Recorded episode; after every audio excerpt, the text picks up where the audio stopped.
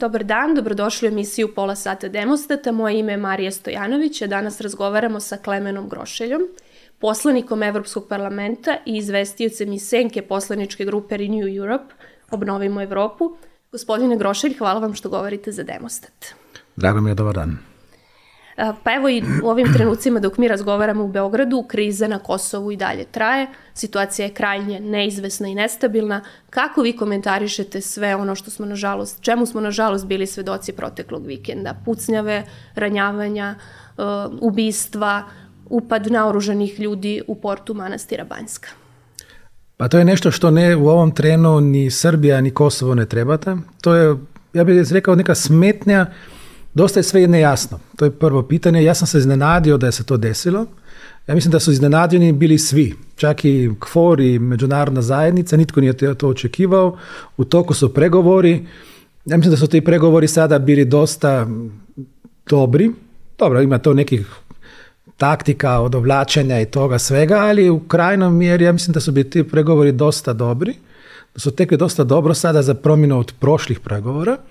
Ali sad to je ovdje donijelo nekako neizvesnost, sada svi se pitaju što je u pozadini.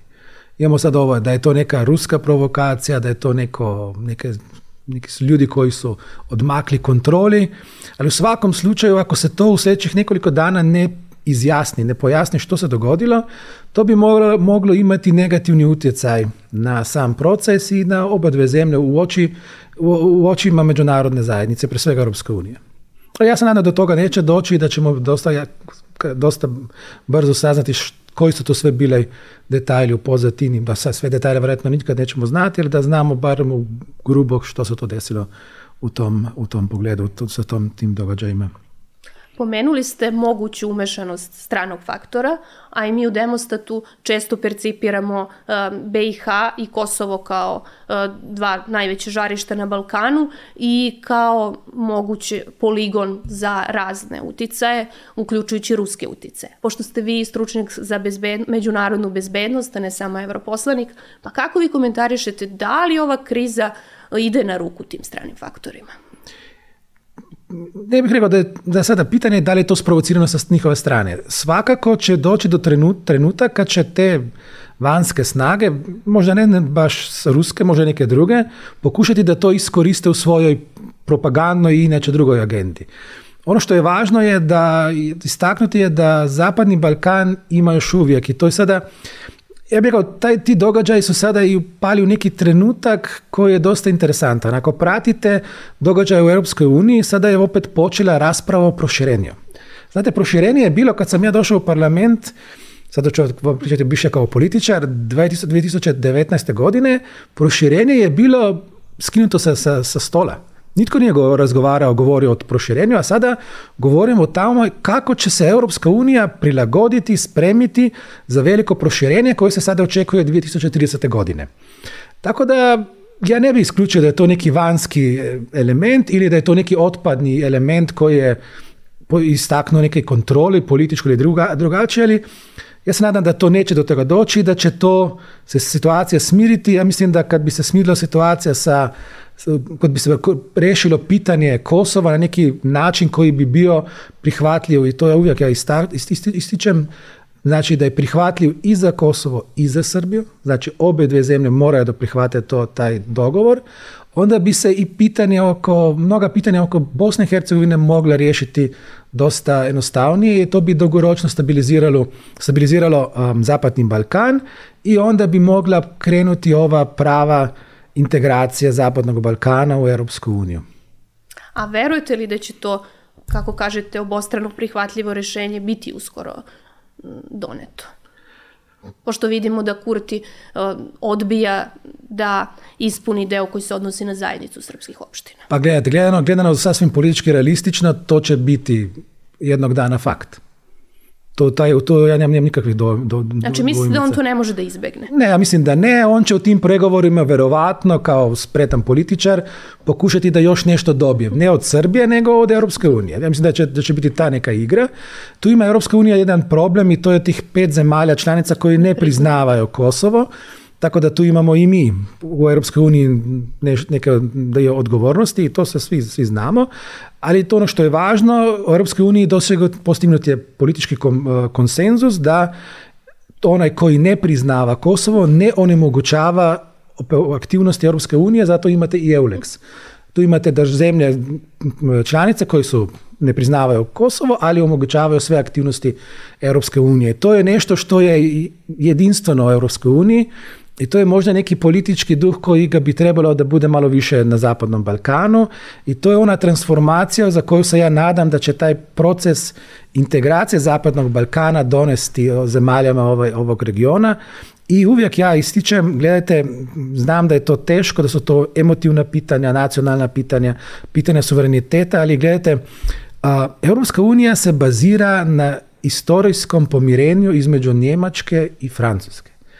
Francuzi i Njemci su se ratovali 200 godina, 100, 100 godina intenzivno i sad pomirenje između tih dvih naroda omogućilo je da se stvori Europska unija kao, kao neki projekt mira i, istovremeno neki gospodarski projekt koji je sada prerasao ovu političku tvorevinu, politički projekt kojega zovemo Europska unija. Ja mislim da to je ono istorijsko poslanstvo, to je onaj istorijski moment koji sad na Zapadnom Balkanu, kao što ste već istaknuli, za Kosovo i za Bosnu i Hercegovinu. A kakvi su vam utisci o ovoj posjeti Beogradu, s kime ste se sve susreli i koje su bile teme razgovora? Pa ja sam tu došao pola zvanično da pogledam situaciju u, Bosni, u Srbiji. A, uvijek mi je dobro, znate, tom čitaš novine, čitaš različite medijske portale to, ali najviše saznaš kad te raspričaš sa ljudima.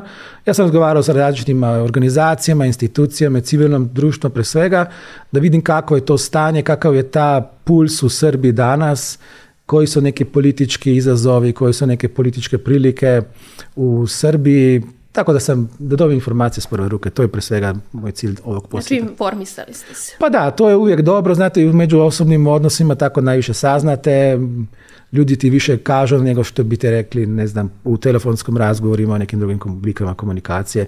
Ja sam onaj, ja bih rekao, staromodni političar u tom pogledu jer volim taj osobni stik jer tada vidim kako ljudi reagiraju na neka pitanja, neke diskusije, neke možda malo delikatnija pitanja i tada znaš kakva je to, to je ta stara politika. Izjavili ste nedavno da Evropski parlament ne bi rado dočekao održavanje novih prevremenih izbora u Srbiji, jer kažete, i kažete da je u Srbiji u, protekle, u protekloj deceniji bilo dosta prevremenih izbora. Pa da li ste umeđu vremenu promenili stav i smatrate li da ipak ima vremena za poboljšanje izbornih uslova ukoliko izbori budu održani u decembru kako traži srpska opozicija. Pošto i Demostat u svojim opsežnim istraživanjima javnog mnjenja pronašao problem kontrole samog procesa glasanja. Recimo vi u Srbiji imate oko više od 8000 izbornih mesta i sad, znači po dva kontrolora takozvana bi trebalo da budu iz redova opozicije, što je oko 16.000 ljudi. E sad je tu pitanje da li su to pouzdani kontrolori, pošto znamo da je ovde moć korupcije i na sam dan glasanja i uoči, nekoliko dana uoči glasanja velika. Pa smatrate li vi da će se nešto zaista tu promeniti? Znači pod uslovom da izbori ponovo budu brzo, a vidimo i najave vlasti da će to biti ponovo prevremeni izbori. Pa gledajte, ja da to gledam malo drugačije možda kao što gleda, gleda politika u samoj Srbiji. Ob, ob, u nekoj zreloj demokratiji prijevremeni izbori se dese kad vlada gubi većinu u parlamentu. To je ono klasično. Kad se to dogodi, onda idemo ili se formira nova koalicija, nova vlada ili idemo na prevremeno izbore. To je bio moja izjava.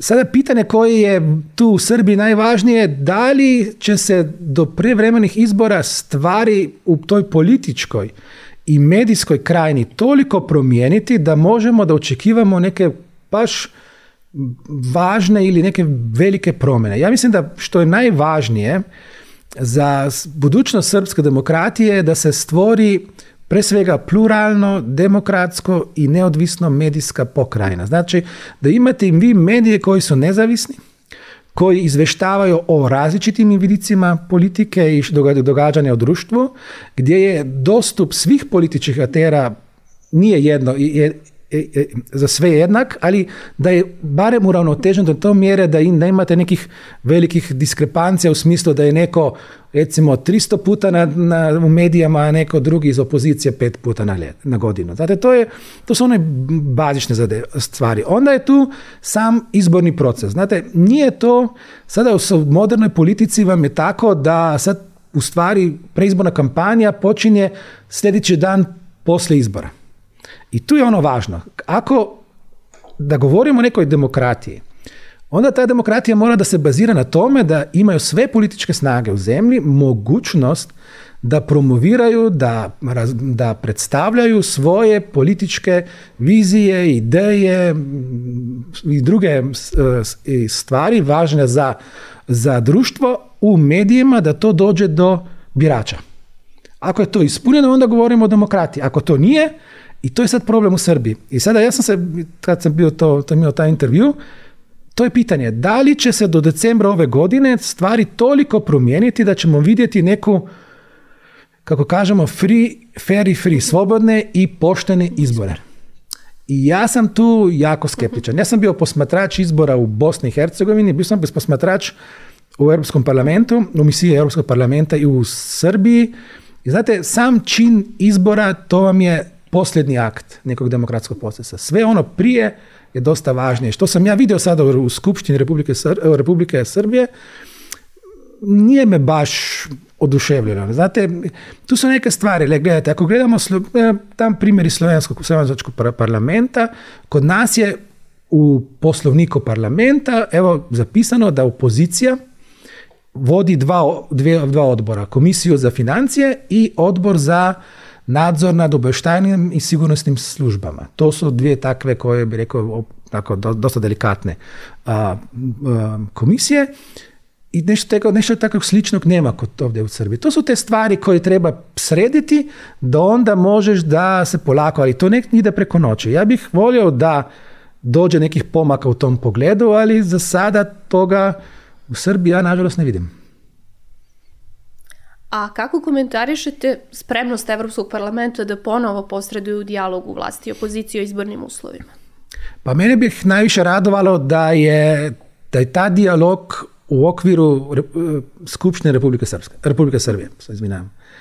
Zašto? Jer najbolji dogovori su oni koje političke snage su u stanju postignuti same. Aha, znači bez posrednika. Bez, posrednika. To je, pa to je za demokratiju najbolje. Znači, to su oni dogovori gdje imate, može da su to dogovori koji su pismeni, koji su u nekom ugovor, ugovoru ili ne. Sa medijacijom je tako. Medijacija u tom pogledu dovela je neke promjene. Ali nije dovela one promjene koje bi ja očekivao za jednu zemlju, i tu ja imam problem sa, sa tvrdnjama srpskih vlasti kad, kad, kad kažu da je Srbija zemlja vrlo blizu Europske unije u pregovorima i tome. Znate, tu je problem. Za jednu zemlju koja je na pragu ulaska u Europsku uniju, ova pitanja, pitanja izbornog procesa, to bi trebalo da je skinuto sa stola već nekoliko godina, kad, je, kad su ove zemlje, pa neću sad reći Slovenija, na primjer Češka, Slovačka, Poljska i tada i Mađarska, kad su one ulazile u Europsku uniju, sva ta pitanja oko demokratizacije više manje su bile sređene. I to je ono što je sad, i to je razlog zašto Europska unija, zašto komisija, zašto Europski parlament uvijek isti, istaču, ističu ovo pitanje vladavine prava. Jer vladavina prava znači mediji, Znači, izborni proces i svi ovi demokratski procesi i svakako pitanje pravosuđa. Pravosuđe treba da bude nezavisno, da radi svoj posao prema zakonu i to znači i onda borbu protiv korupcije. I sada da se mi sada u tim pitanjima pričamo u toj fazi pregovora za Srbiju, to nije baš najbolja poruka za, za Srbiju u tim pregovorima.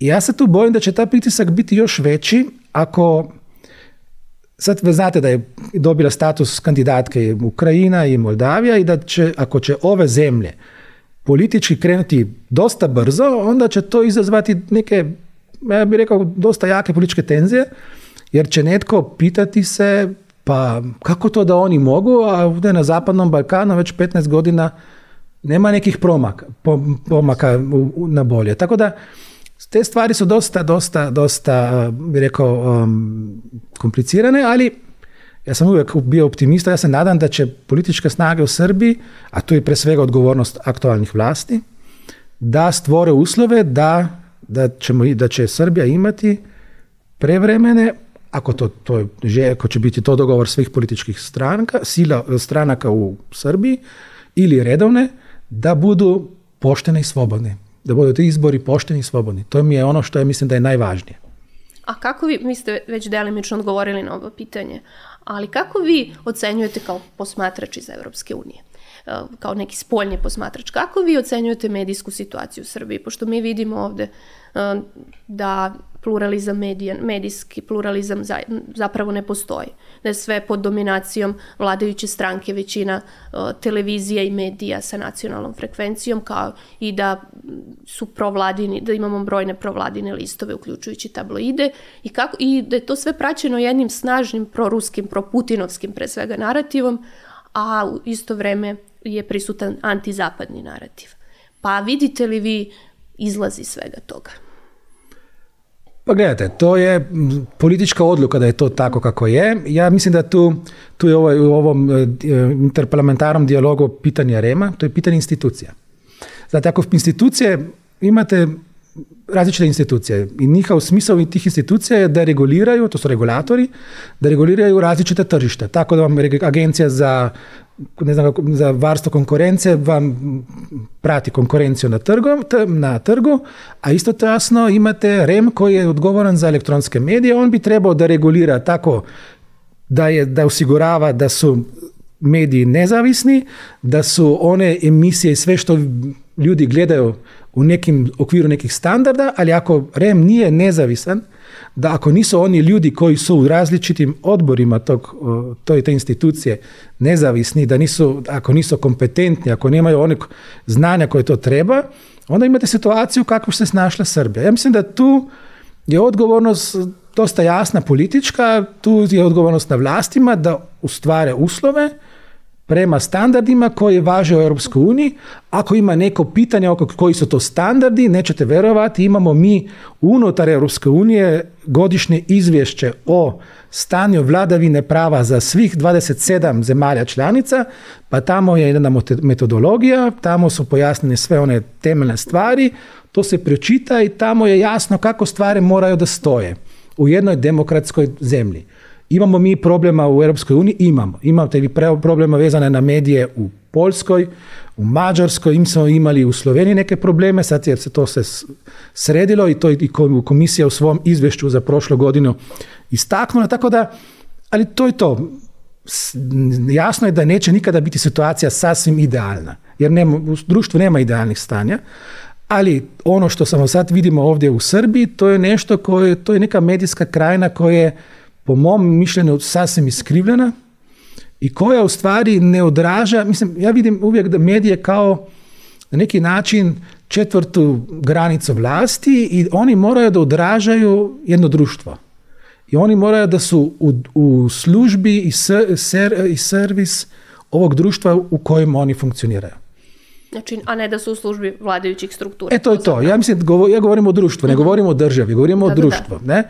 I tu ima vrlo važnu ulogu i to ja uvijek ističem je javna televizija. Javna televizija treba, tu je ta BBC standard koji rado spomenuo, spomenim, ali javna televizija je ona koja bi morala da daje kvalitetne uh, i koja bi trebala da je onaj prostor u kome sve političke snage u ovoj zemlji, pa i civilno društvo, i nevladni sektor, i svi ti koji imaju neku ulogu u javnom životu jednog društva, imaju mogućnost da to predstave uh, gledateljima.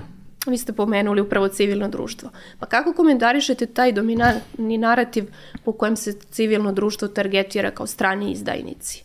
To je narativ iz 90. koji se čini se ponovo vraća na javnu scenu. Ja, ja bih rekao da je to malo više narativ koji dolazi iz Rusije. Ja bih to mhm. rekao ovako, gledajte, Rusija je velika sila. I Rusija je i imperialna sila, još uvijek ima neke imperialne ambicije, kao što sad možemo to vidjeti u ovom nesretnom ratu, ovoj agresiji Rusije na Ukrajinu. I sada tu je ta narativ stranih agenata Da, i tu se kaže na, tim, na, na tom narativu stranih agenata se vidi kako se mogu neki instrumenti koji u demokrati funkcionoše, i to je i u Sjedinim američkim državama, ali znate šta je razlika između zakona o stranim agentima u Rusiji u ZDA? U ZDA vi uvijek možete da idete na sud i sud će presuditi da li je vlada, vlast su to upotrebili ovaj, to, to klasifikaciju na bazi zakona ili na bazi neke političke odluke. A vi to u Rusiji nemate toga. Nemate sudske i zakonske ove varnosti, znate, pravne sigurnosti. I to je ta razlika. I tu se dobro vidi kako se to manipulira u tom propagandnom stroju. Znači mislite da je to preslikano i na Srbiju određeno? U neodređenoj mjeri, da. Ja bih se želio... Jer isti narativ imamo u Srbiji istu priču.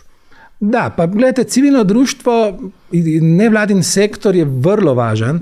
Gledajte, u nevladni sektor, tu vam ako dam neko primjer iz Slovenije, to su vam svi, to su vam vatrogasci, to su vam uh, humanitarne organizacije, to su vam čovjekoljubne organizacije, to su svi oni koji rade u javnom interesu, mnogo puta iz, i volonteri su, a imate i one koji se bave nekim aktualnim pitanjima za društvo kao, kao što je jednopravnost žena, položaj djece, i ta pitanja um, um, znači uh, siromaštva i svega toga. I to je, to je važan sustavni dio svake demokratskog, svakog demokratskog društva. Ako nemate vi jako snažno ovo civilno društvo, onda vi ne možete imati demokracija. Demokracija nije samo, nisu samo stranke.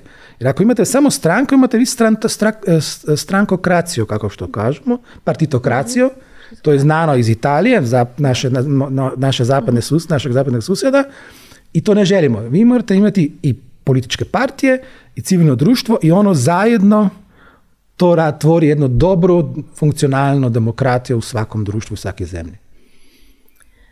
Znamo da se Obnovimo Evropu, vaša poslanička grupa, bavi između ostalog i problemom zagađenja. Pa upravo je visok stepen zagađenja percipiran i od strane britanskog Guardiana i to visok stepen zagađenja u Srbiji. Pa šta je prema vašem mišljenju moguće rešenje za to? U poslednje vreme čujemo priče i da se problem može rešiti u gradnju filtera za prečišćavanje otpadnih gasova. Pa rješenje je, gleda, tu imamo svi probleme. Tu treba biti vrlo otvoren, iskren, imamo mi probleme u Ljubljani. Imate problema i u Briselu oko toga. To je problem vezan na promet, pre svega na promet i na industrijsko zagađenje. Pre svega je rješenje da se ide prema tehnološkom napretku i da se uvode one tehnologije koje imaju koji povzročavaju manše, manje, manje zagađenje. To je, I to je ono što je u srcu ovog Green Deala, za kojeg sam ja želio da se što više integriše i za, zemlje Zapadnog Balkana, jer Green Deal vam je kombinacija dvije stvari. Jedna stvar je suočavanje sa klimatskim promjenama, to je vrlo važno. To je jedna, jedna ja bih rekao, najveća kriza kojom se čovečanstvo suočava sada. A drugo vam je tehnološki razvojni preboj koji je vezan na nove tehnologije koji smanjuju zagađenje, koji smanjuju emisije CO2 i CO. I to je ono što bi ja bih želio da su, ne samo da je to dio naše europske perspektive, da je to i dio neke politike, da, da su Zapadni Balkan da je integrirano u to. I mislim da je to neka prilika gdje bi mogle zemlje Zapadnog Balkana, uključujući Srbiju, da se dosta brzo integriraju i u toga dosta dobio dosta do, velike dobrobiti, pre svega smanjeno zagađenje, bolja industrija, veća konkurentnost gospodarstva i to je nešto što ja mislim da je budućnost tako Europske unije i Zapadnog Balkana. A u kojoj meri se kineske investicije u Srbiju to uklapaju? Pošto čini se da tu nije uvek transparentno kada je reč o, o procenama zagađenja. Pa ja da ja to teško komentiram, ali reći ću ovako, kad će, kad će Srbija ući u Europsku uniju, važit će oni standardi koji sada važe u uniji ili koji će tada važiti u uniji, pa je verovatno najbolje za Srbiju da već sada primjenjuje one standarde koje važe u uniji, ako je to strateški cilj Srbije da uđe u uniju, na tom području to je sasvim apolitično pitanje, znači zagađenje zraka, vode i okoliša, to su pitanja koje su univerzalna, globalna pitanja čovečanstva i tu mislim da ovi standardi koji mi imamo u Europskoj uniji su dobri standardi i da je to nešto što bi Srbija mogla da implementira i uvodi u svoje, u svoje društvo, u svoje, u svoje zakone. I to bi bilo sve, pre svega dobro za Srbiju, za građane Srbije, a u budućnosti nešto što bi već integriralo Srbiju v Europsku uniju. Očekuju nas na proleće izbori za Evropski parlament, pa na čemu će vaša poslanička grupa bazirati kampanju i kakvu kampanju očekujete? Pa gledajte, kampanja će biti pre svega vezana na nacionalna pitanja, jer gledajte, izbori u Europski parlament još uvijek su pre svega na neki način nacionalni izbori. Znači, ja ću, bit, ja ću se kandidirati u okviru Slovenije, sad de, bit će tamo, de, imamo devet sada po novom, to sad je bilo osam poslanika, sad će biti devet, znači tu će biti devet, kandida, devet mesta, kandidata će verovatno biti dosta više. Teme će biti na neki način vezane na nacionalnu, nacionalnu politiku, a tamo će biti neke pitanja koje su vezane na Europsku uniju. Pre svega ja mislim da će biti pitanje suočavanja sa klimatskim promjenama, Green Deal i digitalizacija Europske unije, to su to ta dva paradna programa. Onda će biti vjerojatno pitanje migracija, to je sada dosta jako, dosta žestoko pitanje u Europskoj uniji. Vjerovatno pitanje oko budućnosti Europske unije već je počelo, što sam već malo spomenuo, počela rasprava o budućnosti, o institucionalnom okviru Europske unije, da li će ćemo ići u promjene a, temeljnih ugovora ili ne. A onda će biti i neke teme koje su tako klasične, oko kako imamo plateni europski poslani, poslanici, kakve su nam privilegije i to je ono, ono neka, ja rekao, predizborna klasika. Vi ste već pomenuli 2030. kao novi mogući datum za proširenje Evropske unije. Pa kako vi gledate na taj datum i da li je to dostižno za Srbiju? Pa gledajte, uz političku volju u Srbiji, pa to vi biste vi mogli dost, dost, dost postignuti i prije. Ja mislim da bi ta 2030. je pre svega datum koji je uh, uh, mora biti razumjen u smislu da će Europska unija tada biti spremna na proširenje. Ja bih se želio, ja bih želio i volio bi da bi Srbija bila tada spremna. Ja mislim da, gledajte, to danas smo 2003. Ako je tu pra, ona iskrena politička volja da se, da se realiziraju, implementiraju sve one reforme koje su znane. Mi znamo koje reforme Srbija treba da pripremi i implementira. Ja mislim da bi ta datum, ne 2030. bio sasvim realan, možda je čak i prije.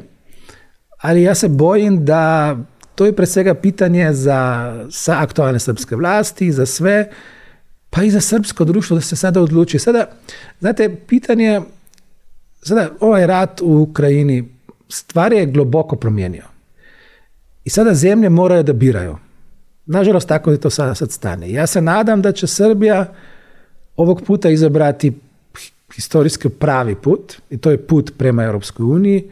Srbija je uvijek bila dio velikih europskih naroda i ne vidim razloga zašto ne bi to opet bila u zajednici teh europskih, u zajednici u porodici europskih naroda, jer ja mislim da Srbija može mnogo toga dobro da doprinese Europskoj uniji i Europska unija može mnogo da doprinese dobroga, dobroga Srbiji, ali put je takav kakav je. Put je znan, tu su ove reforme, tu su one promjene, neke su malo teže za društvo, neke su malo teže za političke elite i privredne elite i sve te, ali na kraju, a, ako pogledamo Brexit, Brexit je pokazao koji su to sve dobrobiti članstva Europske unije.